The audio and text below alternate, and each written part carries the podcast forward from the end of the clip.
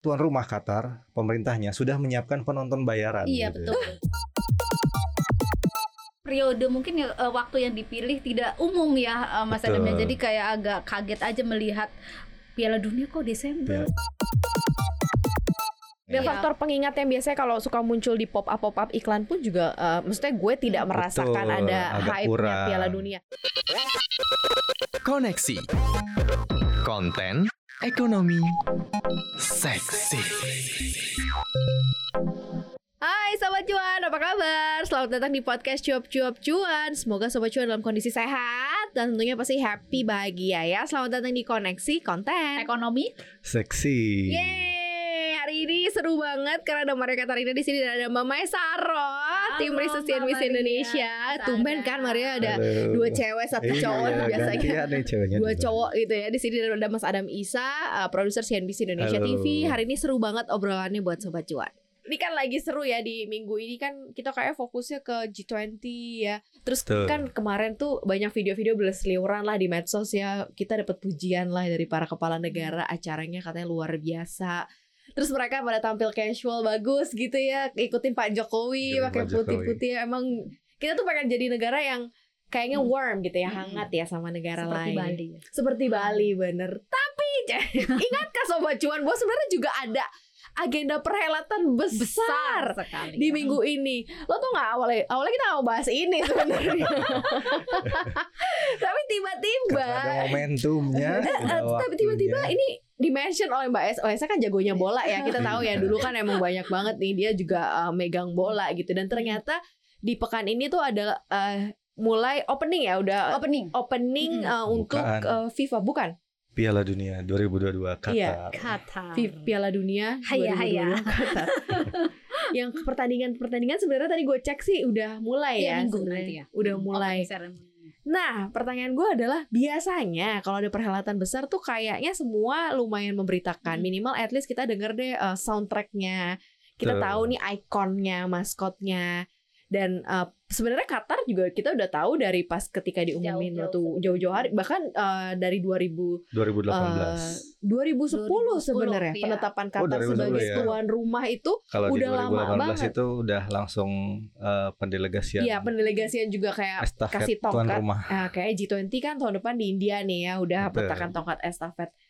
Nah ya kok, ya maksudnya kalau gue nggak terlalu anak bola banget nih sobat cuan ya, tapi kalau Mbak Esa mungkin Mas Adam yang ikut gitu ya, emang ngerasa beda apa gue doang yang ngerasa atau gimana sih Mbak Mm, Esa? emang beda ya walaupun sebenarnya harusnya di Qatar itu kan panas ya Mhm. gurun tapi saya nggak juga tidak tahu mengapa kok hawanya justru kayak adem ayem ya winter kayak di Eropa ya Mhm. Eh, mungkin kita kan ada beberapa eh, hal yang membuat kenapa ini kok kayak malah adem ayem ini udah mau bertinggal ngitung berapa hari ya Iyalah, Eh, ting- dua hari. dua hari kita biasanya sudah Kamis Jumat heboh nih udah benar, benar, nih benar.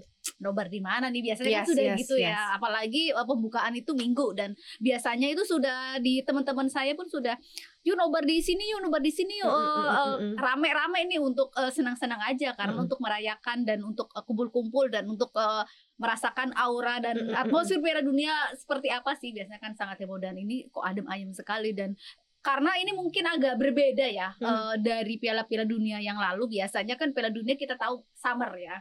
Juni Juli gitu ya. Juni Juli mungkin Agustus gitu Mm, mm, summer. mm, mm. terus kemudian tahun ini eh, Desember. Jadi eh, kita tahu kalau eh, liga liga-liga Eropa kan pada umumnya berakhir di Mei ya. Iya, Ter- iya, eh, terakhir itu biasanya Liga Champion ya final Liga Betul, Champion final Liga itu Champion penutup Mei biasanya. kemudian jadi kan ada persiapan nih tim. Biasanya eh, bulan Juni Juli aja udah heboh nih.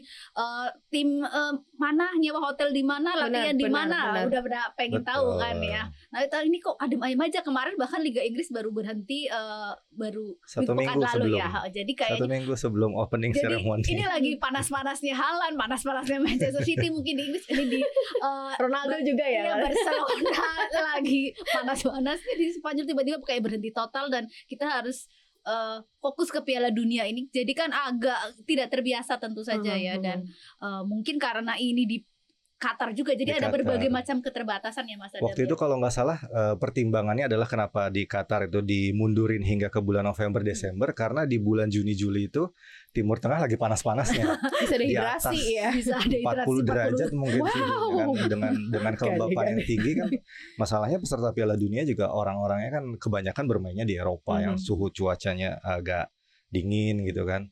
Nah, kenapa akhirnya dipindahkan ke November Desember? Salah satu pertimbangannya adalah karena cuaca di Qatar Mhm, sendiri. Kemudian mungkin juga pertandingannya nanti akan banyak di malam Iya, hari gitu betul. kan karena cuacanya lebih bersahabat bagi orang-orang gitu kan. Kalau Hmm. kita lihat aja di Indonesia misalnya ada pertandingan persahabatan dari luar negeri orang-orangnya itu pasti akan ada jeda water break setiap Hmm. berapa belas menit gitu 20 menit kalau nggak salah ada water break. 20 biasanya. Iya, ya. karena itu kan akan uh, draining ya, maksudnya uh, lebih membakar apa namanya? Membakar kalori terus lebih cepat keringetan Mm, gitu. Nah, di Qatar mm. mungkin juga akan sama kayak gitu. Pertimbangannya sih waktu itu seperti itu. Jadi yang bikin mungkin kayak kelihatannya kok tiba-tiba udah opening ceremony ya. Karena di Kayak tengah-tengah musim, di tengah-tengah musim terus sudah uh, tiba-tiba berhenti uh, dilanjut Piala Dunia dulu gitu kan. Tapi memang di medsos juga nggak rame kok. Biasanya kalau lo pengen tahu Kayaknya update promosinya kan, agak-agak iya. kurang. Ya, Atau mungkin di Indonesia mungkin ketutup gelaran G20 mungkin bisa Iya, jadi. bisa gitu. jadi. Nggak, mulainya sama ya G20 ramenya kita udah dari tahun Iya. lalu sampai sekarang gitu Biasanya ya. nih sebulan sebelumnya sudah heboh ya. Benar, minimal benar. songnya, cerita theme songnya apa itu sudah heboh. Ya. Karena jeda jeda dengan liga itu sangat sebentar kan. Iya. Terakhir itu Liga Inggris kemarin ya cuma satu minggu. Terus Mhm. ini dalam satu dua hari ini masih ada kalau nggak salah Argentina itu masih melakukan pertandingan persahabatan sebelum Oke. pembukaan. Jadi masih ada ini. apa karena- karena ada beberapa negara-negara idola tidak masuk ke dalam kancah kompetisi Satu yang Italia besar juga Italia. Italia yang nggak masuk. ya memang seperti itu tapi memang menurut saya lebih ke momennya eh, periode mungkin ya, eh, waktu yang dipilih tidak umum ya eh, Mas Adam Betul. jadi kayak agak kaget aja melihat Piala Dunia kok Desember Ya, ini ber- pertama kali dalam sejarah Piala Dunia di luar, seingat saya ya, Hmm, Piala Dunia di ya. luar summer Juni Juli itu, gitu. karena Hmm. biasanya ketika liga selesai di bulan Mei itu ada masih ada jeda satu bulan sebelum Hmm. eh, Piala Dunia dan biasanya di dalam satu bulan itu akan ada banyak pertandingan persahabatan, persiapan kemudian juga banyak ba- eh, banyak sidebar liputan Mhm. timnya di mana di mana gitu kan. Jadi orang ingat itu ada Piala Dunia sementara yang sekarang itu liganya masih berjalan, Mhm. kemudian seminggu kemudian langsung Piala Dunia itu sih yang bikin mungkin Mm-mm. hype-nya agak kurang Dan ya. Faktor pengingat yang biasanya kalau suka muncul di pop up pop up iklan pun juga, eh, maksudnya gue tidak Hmm. merasakan Betul, ada hype-nya. Piala Dunia. Apa karena memang eh, si Qatarnya ini ya diwarnai banyak sekali kontroversi sehingga eh, tidak terlalu terekspos oleh media atau media memang tidak mengekspos. Karena kan ada statement juga nih dari eh, Piala Dunia 2022 di mana Presiden FIFA Sepp eh, Blatter ini mengaku pernah eh, bahwa ia melakukan kesalahan dengan menjadikan Qatar sebagai tuan rumah Piala Dunia ini pernah diangkat juga gitu. Padahal kan penentuan dia jadi Piala Dunia uh, host itu udah dari 2010.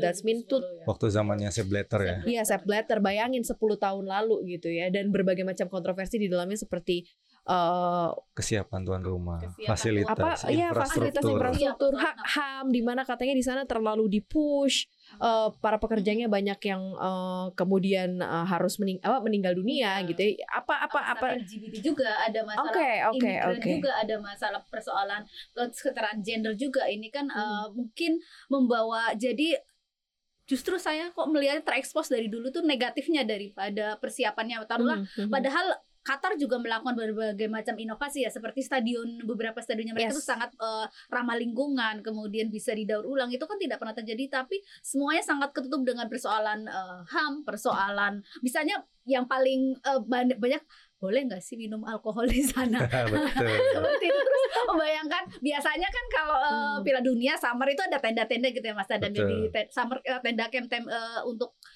penonton yang mungkin uh, kesulitan uh, mem- uh, menyewa hotel. Tapi kalau sekarang apa iya sih itu? Apa nggak panas? Walaupun sudah banyak disediakan tenda tapi kan akan sangat mahal ya uh, Mhm, kita tahu mhm. Qatar juga bukan negara yang murah ya. Betul betul. uh, dan itu orang yang mau ke sana juga mikir-mikir juga ya. Biayanya, biayanya. Biaya Padahal sampai di- ke Qatar, Yes. biaya tiket, Padahal di satu Iya, sisi kan kalau perhelatan Piala Dunia sendiri atau pagelaran besar itu kan termasuk salah satu penyumbang uh, pendapatan income yang cukup Betul. besar juga kan. Kita pernah bahas juga Indonesia waktu di Asian Games seperti Asian apa, Games. kemudian Uh, uh, juga bagaimana tonggak uh, pia- uh, Olimpiade ini Hmm. bisa juga uh, menghidupkan Hmm. ekonomi gitu ya. ya I mean Qatar apakah tidak punya opportunity yang sama gitu karena karena banyak hal ini tadi yang kita bicarain Mbak Isa. sebenarnya mereka juga sudah mem- eh, memasang target yang luar biasa besar ya misalnya mereka aku percaya oh kalau Piala Dunia ini nanti kita pertumbuhannya 8,7 persen nih Mm-mm, Ah, 8,7 persen ya Iya, karena ada Piala akan Dunia. ada ya. banyak proyek, ada banyak mungkin kegiatan aktivitas ekonomi di sana kan. Jadi tidak hanya bahkan tidak hanya di Qatarnya saja, tapi mungkin di eh, kawasan Teluknya juga ya akan Hmm. berdampak. Minimal pasti penerbangan, hotel dan Betul. pariwisatanya itu akan berjalan ya. Mhm. Walaupun saya se- sebenarnya jadi eh, eh, lebih ragu seberapa besar sih penonton yang luar Bia- biasanya kan eh, kita tahu ya turis ya turis Eh, untuk misalnya- datang untuk nonton ya. Iya, kita yang pasti yang sangat fanatik hooligan Inggris. eh, tapi kan ini sudah jauh, mungkin mahal terus tidak terbiasa terus apa mungkin tidak sebebas di negara-negara yang lain. Jadi Mhm. Apakah kebersamaan seperti itu akan ada di Qatar? Saya juga eh, belum tahu sih. bukan pilihan negara untuk berwisata di akhir tahun jangan-jangan gitu ya. Karena nggak cuma nonton FIFA doang atau nonton Piala Dunia kan Iya, pengen wisata juga eh, nggak sih? Betul. Biasanya kan kalau mungkin eh, di ta- taruhlah bahkan mungkin di Korea, Jepang itu yang terpisah pun masih Masih hype-nya masih, masih, bagus. hype-nya masih Iya. luar biasa ya. Iya bagus Sugi Korea Jep- keinget sampai sekarang gitu ya Iya. soundtrack soundtracknya gitu ya. Kalau lo ngeliatnya gimana Mas Adam? Kalau di Qatar ini mungkin lebih kepada gengsi kali ya sebagai Nah. tuan rumah gitu kan. Hmm. Untuk salah satu negara teluk, negara Arab gitu kan. dengan kondisi cuaca yang sebenarnya di musim panas sangat tidak bersahabat gitu kan menyelenggarakan du- Piala Dunia akhirnya solusinya adalah digeser gitu kan dari pemindahan eh, jadwal turnamennya aja ini udah membuat sebenarnya ini gimana nanti gitu Hmm. kan kemudian eh, kalau untuk masalah bisnis mungkin eh, memang sepak bola di secara global memang sudah menjadi industri yang besar gitu kan Mm-mm. bahkan FIFA sendiri eh, apa namanya merilis kalau tidak salah ya eh, sekitar 4,6 miliar dolar itu sebagai anggaran pendapatan di mana 2,6 miliar dolarnya itu sendiri itu adalah pendapatan dari hak siar televisi nanti ketika Piala Dunia. Wih, siapa yang dapat di Indo? banyak gitu itu Banyak, besar gitu kan. Jadi Bulan-bulannya bisnisnya banyak. adalah di hak siar, kemudian di merchandise mungkin Yes, orang-orang yang langsung ya. iklan, kemudian eh, apa iklan terus sponsor-sponsor gitu. Itu adalah eh, bisnisnya berputar di situ. Jadi kalau mungkin nanti penontonnya pun kurang banyak, tapi sponsor udah masuk semua Betul. gitu. Karena penjualan tiket bukan Bahkan yang pertama, ya, yang bukan saya yang baca utama terakhir juga ya. kali ini eh, kemarin kalau nggak salah atau dua hari lalu eh, apa namanya tuan rumah Qatar pemerintahnya sudah menyiapkan penonton bayaran. Iya gitu. betul. Eh, penonton Betul, bayaran untuk untuk hore-hore. ma- mengisi lumayan stadion. ya. gitu. Iya, stadion. Orang Karena orang kalau iya karena ya, kalau nggak kayak gitu kan kita Bayar aja nih buat nonton, gue bayar lah gitu ya. negara kaya kan uang gampang gitu Iya. kan. Kalau nggak ada yang nonton ya kita bayar aja. Iya. kan nggak beda jauh kayak Betul. di di mana-mana kan kalau ketika stadion kosong ya harus diisi karena itu kelihatan kayak kurang bagus gitu kan kalau nggak ada orangnya gitu Hmm. kurang lebih kayak gitu sih Iya. yang yang takutnya nanti penontonnya kurang antusiasmenya kurang gitu kan kan harga tiket Piala Dunia juga nggak murah gitu kan Ini kan juga diselenggarakan di tengah eskalasi ya eh, perang. Betul. Rusia juga nggak boleh join kan di Piala Dunia ya. Nggak yang menarik diri juga gitu ya. Terus kemudian Italia juga nggak join ya. Ini kalau jadi itu karena tidak lolos seleksi sekarang itu didepak dari penyisihan ya. Betul Nah ini kalau dilihat dari eh, pemain-pemainnya negara-negara yang ikut berpartisipasi ini seperti apa? Eh, apa namanya? Pemetaannya akan lebih ngarah ke mana sih ini eh, apa namanya udara-udara kemenangan gitu atau dominasi permainan? Karena kita tahu ini banyak perbedaan kan biasanya diselenggarakan mungkin di negara-negara eh, Hmm. Eropa kemudian Di eh, Latin Amerika. di Amerika Latin sekarang di Timur Tengah gitu ya dan ini catatan sejarah juga sebenarnya buat eh, Timur Tengah dan Qatar Betul, juga ya. betul. Nah kalau lo ngelihat ya Mas Adam Ya. dulu nih, dari deh? dari para pe- pemain atau mungkin negara-negara yang ikut berpartisipasi ini karena banyak yang ya Rusia menarik diri kemudian Italia juga nggak join gitu. sebenarnya gengsinya Piala Dunia memang nggak pernah turun ya dari tahun ke tahun kan. Hmm. Eh, apa siapa pun sebenarnya bisa berpotensi menjadi juara, tapi kan ada selalu ada unggulan gitu kan. Hmm. Negara-negara unggulan yang tidak pernah bisa, eh, yang tidak pernah keluar dari pot unggulan itu adalah biasanya kan kalau dari Amerika Selatan ada Brazil dan Argentina gitu kan.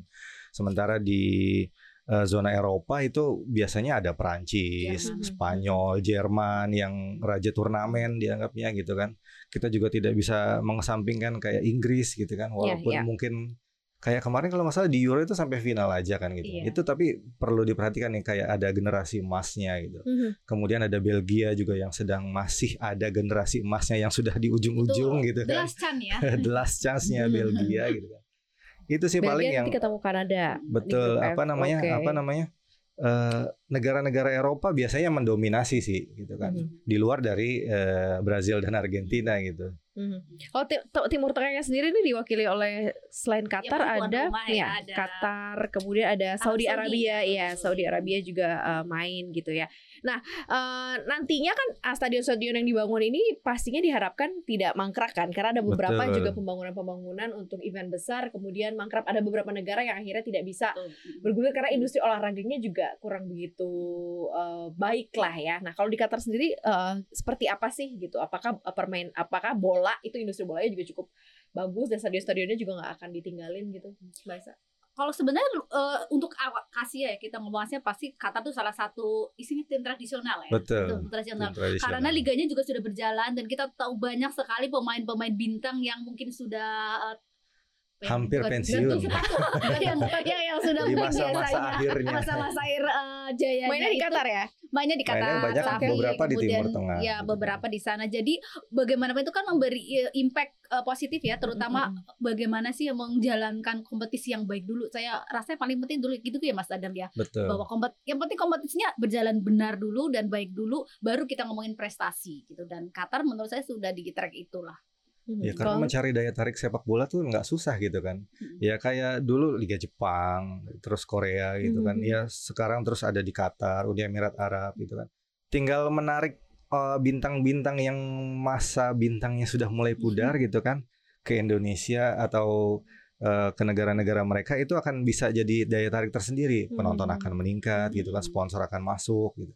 Itu yang bisa jadi pertimbangan. Tapi kalau sistemnya nggak benar ya susah juga gitu kan. Betul. Ya, ya, ya, Nah, ya, sementara ya, di ya. Qatar itu sebelum ajang Piala Dunia ini kan beberapa tahun ke belakang juga sudah melaksanakan eh, ajang internasional kayak Formula One sama Hmm, MotoGP kan ada di Doha hmm, Qatar hmm. gitu. Mm-mm. Dan dan balapannya selalu malam gitu kan Hmm. untuk apa namanya biar cuacanya lebih bersahabat gitu. Itu mengakali keadaan di negara gurun seperti itu seperti Makanya taruhannya sekarang Piala Dunia Formula One Series sekarang kita nih gimana sih masa iya nggak bisa kalau soal dana sebenarnya kan Qatar bukan masalah ya. Oh iya, uang bukan masalah kayaknya Iya, penyelenggara bukan- seperti Qatar. Nontonnya dibayar. Dan bahkan untuk tahun 2022 ini pemenangnya itu hadiahnya sampai 42 juta dolar untuk juara satu. Itu dari pemerintah Qatar juga berarti kasih. Bukan sepertinya dari FIFA. Oh gitu dari kan. FIFA. Lo kok Karena kan bisa? ang- anggaran pendapatannya aja sudah 4,6 Oh, oke, miliar, oke, di mana oke, 2,6 oke, oke. miliarnya didapat dari Kira televisi. ditambah suntikan dari pemerintah Qatar gitu. Kayaknya sepak bola di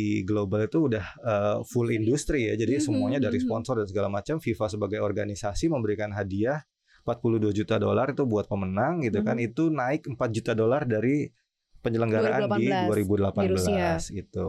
Nah, itu belum ada juara dua, juara tiga. Bahkan untuk masuk Piala Dunia pun ada jatah partisipasi kalau nggak salah 1,9 juta dolar. Hmm, hmm. Itu setiap peserta Piala Dunia mendapatkan eh, apa namanya uang partisipasi eh, uang partisipasi, sorry. Hmm. Nah, kemudian nanti kalau untuk lolos ke 16 besar ada lagi bonusnya, Oh. Eh, perempat final, semifinal itu ada lagi bonus-bonusnya. Hmm. Seperti itu. Bahkan untuk setiap pemain pun Iya. kalau di Indonesia kan kita ya. tahu ada dapat bonus dari PSSI. Hmm. Nah, di luar negeri juga sama gitu kan.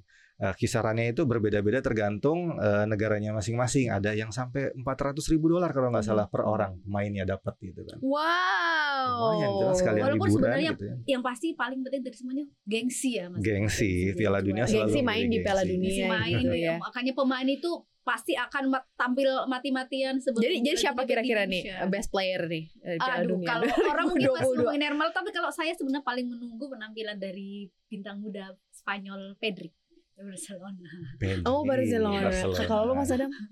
Siapa ya untuk tahun ini Bapak kayaknya nggak ada yang terlalu menonjol Mbappe kalau timnya nggak bagus dia nggak bisa bersinar belum lagi eh, dengan apa namanya mentalnya dia yang masih belum terlalu dewasa gitu kan masih suka ngambek gitu kan dan dan kadang-kadang di Piala Dunia itu yang tidak terlihat bisa nongol di Iya Piala iya iya Dunia iya iya iya yang biasa-biasa aja Iya. gitu tadinya. biasanya dapat bintang gitu jadi siapa ya kalau pemain ya kayaknya agak susah sih gitu kan. Kalau Hmm. dari Brazil mungkin Neymar masih Kalau ada. Brazil banget kayaknya ya lo ngejagoin Brazil Hmm, banget ya. enggak juga sih. Oh, enggak. Sebenarnya kalau saya secara tim lebih ke Inggris. Oh lo ke Inggris. Kalau kalau nggak kalau Esa Karena nggak ada Italia saya jadi bingung. Biasanya saya tim kedua itu Jerman. Jerman. Oh oke. Raja turnamen itu selalu jadi perhitungan Karena memang. bisa diandalkan aja. Bisa Betul. diandalkan. Tapi masih ya masih kawasan Eropa lah ya jadinya ya. Ya kita lihat nanti akan seperti apa ya. Sobat cuan ini kayak semacam pengingat. Ayo loh kita ada perhelat- eh, perhelatan besar diselenggarakannya di Qatar Piala Dunia yang biasa mempersatukan orang-orang yang udah lama nggak ketemu. Eh ngumpul ngumpul ngumpul. Kayaknya- Dan jangan lupa Mbak Bre, ya. biasanya Piala Dunia itu obat kita stres, obat. Iya. nah, Open nobar guys. saatnya kita lupakan sebentar masalah Wih, perang, mantap. masalah inflasi, Eh, masalah resesi. resesi. Iya kayaknya. Saatnya Iya udah bener bener. dengan menonton Piala Dunia. Benar bisa bisa berefek ke ekonomi di Indonesia juga bisa Oh, loh. bisa. Banyak banyak yang melaksanakan nobar itu. Nobar ya kan. kacang minimal untuk snack. Kafe-kafe pasti penuh Wah, biasanya, kafe, apalagi ya. weekend gitu Iya, kan atau se- siap-siap. selepas jam kerja selesai. Mm-mm. Dan kalau nggak salah di Qatar ini jam tayang bolanya kalau nggak salah 11 10 11 Ada malam. yang ya? jam 8 ada, ada yang yang Oh, jam jam setengah 8 delapan, ada. jam 8 Oh, malam oke. gitu sampai sekitar jam 11-an. Jadi masih bisa ditonton lah sama orang Iya, Indonesia. siap-siap. Oke Nobar ya. ya kan. Jadi eh, opening ceremony eh, Sabtu Hari ini Minggu. Minggu ya. Hari Minggu, oke. Setelah itu akan banyak pertandingan-pertandingan luar biasa dari pemain-pemain luar satu biasa. bulan Siap begadang full. ya. Siap-siap Satu begadang. bulan full. Satu Ini mudah-mudahan bisa menjadi obat stres menuju Betul penutupan tahun sekali. 2022 Iya. ya. Mm-mm. Sampai Betul dengan sekali. satu bulan ke depan kan sampai menjelang ini dong, menjelang Sampai mau tahun baru? Natal, betul. Menjelang Natal tahun lupakan dunia gelap, lupakan resesi. Mari kita uh, minimal dengan happy happy dulu. Ya, semoga ini juga bisa jadi obat apa stres ya, lupakan apa resesi, lupakan gelap. Kita, Kita nikmati dulu nikmati Dunia. dulu, nonton bola dulu dan dengerin juga podcast Job Cuan. Jangan lupa di mana aja nih. Iya, jangan lupa saksikan kontennya cuap-cuap cuan di Spotify, Apple Podcast, Google Podcast, dan juga Anchor. Jangan lupa follow akun Instagram kita ya di @cuap underscore cuan dan juga subscribe YouTube channel kita di cuap cuap cuan, di like, di share dan juga di komen ya sobat cuan. Oke. Semoga selalu sehat gitu ya untuk sobat cuan. Jangan lupa juga nonton uh, cuap cuap cuannya di CNBC Indonesia TV itu yang paling penting ya. Terima kasih udah dengerin kita hari ini. Maria pamit. Uh, Esa pamit. Adam pamit. Bye sobat cuan. Bye. Bye.